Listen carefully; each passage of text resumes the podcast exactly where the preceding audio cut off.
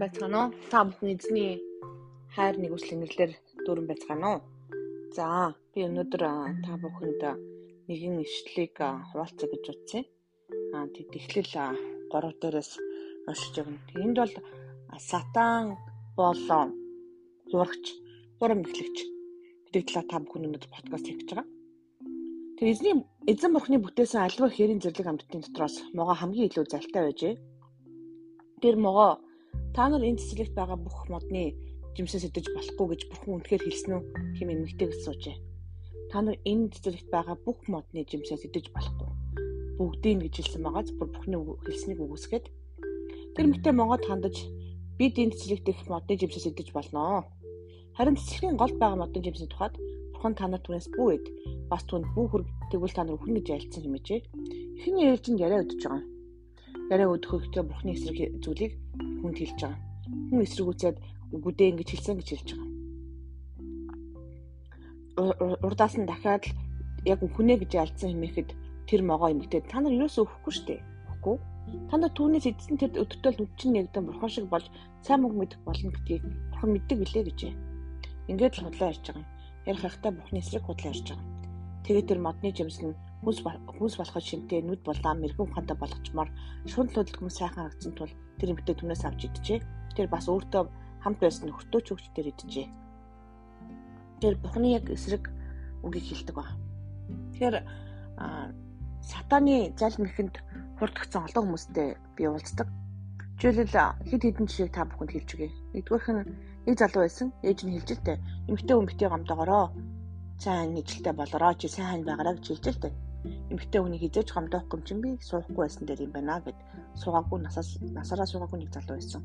Хайртай хүн хүртэл хүлээгээд 20 жил бие бинийгээ хүлээгээ сууж байгаа. Ээж нь бити гомдоогороо гэж хэлсэн болохоос биш хүнтэй бити суугаараа гэж юусоо хэлээгүй. Тийм ээ энэ бол бодтой жишээ шүү. Аа тэгээд бас нэг хүн байдаг. Хичүүдийн уулзалтанд орё гэд орсон. Тэгснэ оо бурхан намайг энэ бити оргичлаа гэж хэлсэн бурхан өөрөө энэ үйлдэлтэй хийгээд чамраа хүн явуулна гэж хэлчихэд яг өөрийнхөө эсрэг хэлсэн юм хэлэхгүй шүү дээ. Тэгээд тэр хүн хөдөлжлөлт хэрэгтэй байсан. Дараа нь а ковидын нэг жишээ хэлье вакцины. А та та тухайн өөрийнхөө сонголтоор вакцин хийх хийхгүй байгаа ч өөр хэрэг. Харин айцаар өдөрдүүлэх ч юм уу жишээлбэл би ковидын вакцин хийх ёстой. Яг бол би улсын сургуульд ажилладаг багш хүнийхээ хувьд хариуцлага өрөөд хүүхдүүдэд энэ зэрэг өвчин тарахгүй байх үднээс би вакцин хийх ёстой. Би тэг тэрийгэ ч хэлгэн. Харин манай сүмийн итгэгч эмэгтэй хурж ирээд чи вакцин хийлгүүл итгэлгүй байгаа урагч болж байгаа хэрэг вакцин хийлгэж байгаа нь буруу гэдэл баахан шашинжиж уулзаж эхэлсэн. Тэгээ биелсэн. Миний итгэлгүй байх уу? Миний асуудал бол ерөөсөө яг энэ миний итгэлтэй огт талбартай асуудал биш ээ. Миний хариуцлага байгаа.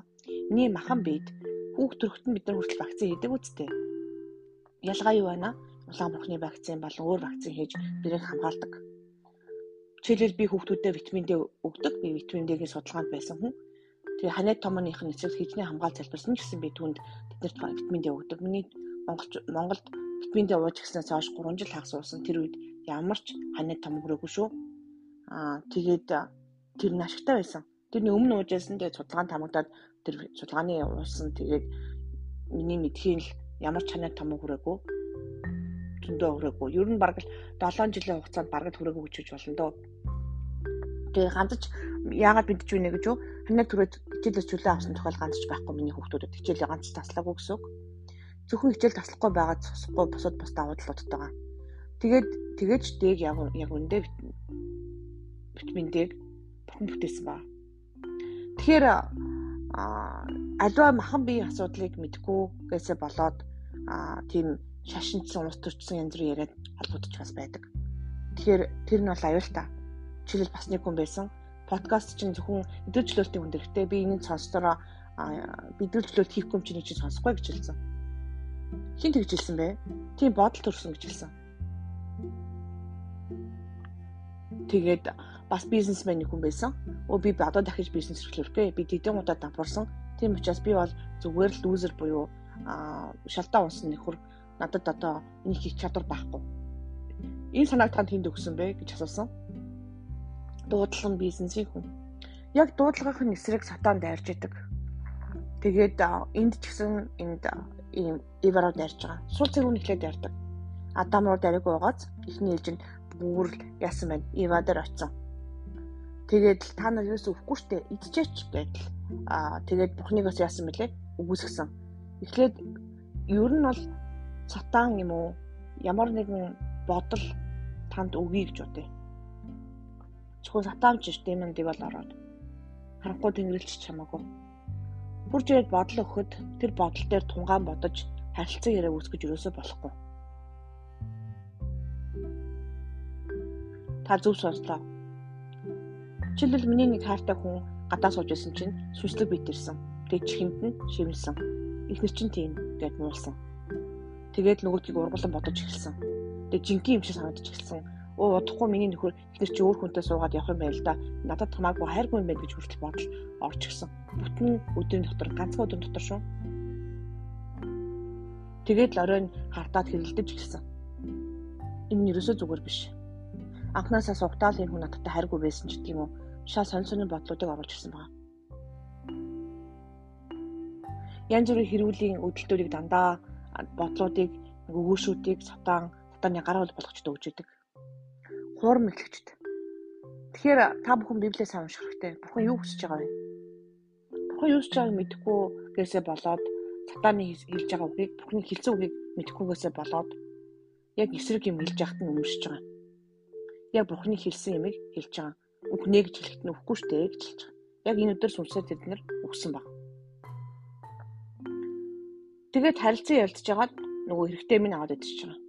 Бидний хүсээгүй зүйлийг хийлгэж орхиж байгаа. Тэгээд сатаа энэ зүйлийг хийдэг. Хамгийн түрүүнд бидэнд бодолт өгөөж тавьдаг. Хуурам эхэлдэг гэсэн үг. Тэгэхээр одоо айлгах гэж оролддог, ичих гэж оролддог, янз бүрийн бодлоор хүмүүсийг буруу мэдрэмж төрүүлэх гэж оролддог янз бүрийн тийм бодлоор чих юм бол зайлтана гэж хөөх хэрэгтэй. Зайлмын хурамч бодлоо өгж байгаа нөхдүүд зайлтгаа танаар гэж битгий ургуулсан бодороо. Тэгээд шувуу дээгүүр нэгсч болно. Бүр нэрч нисээд үүрээ засахыг битээ зөвшөөрөөрөө. Тэгээд танд оюун бодлоодаа сайн хянах боломж бас байгаа шүү. Тэгээд бүр болохгүй бол ариусээ туслаараа гэж хэлэхэд л болно. Тэгээд танд амжилт хүсье. Сатан бол хурам эхлэгч хизээж мартаж болохгүй шүү.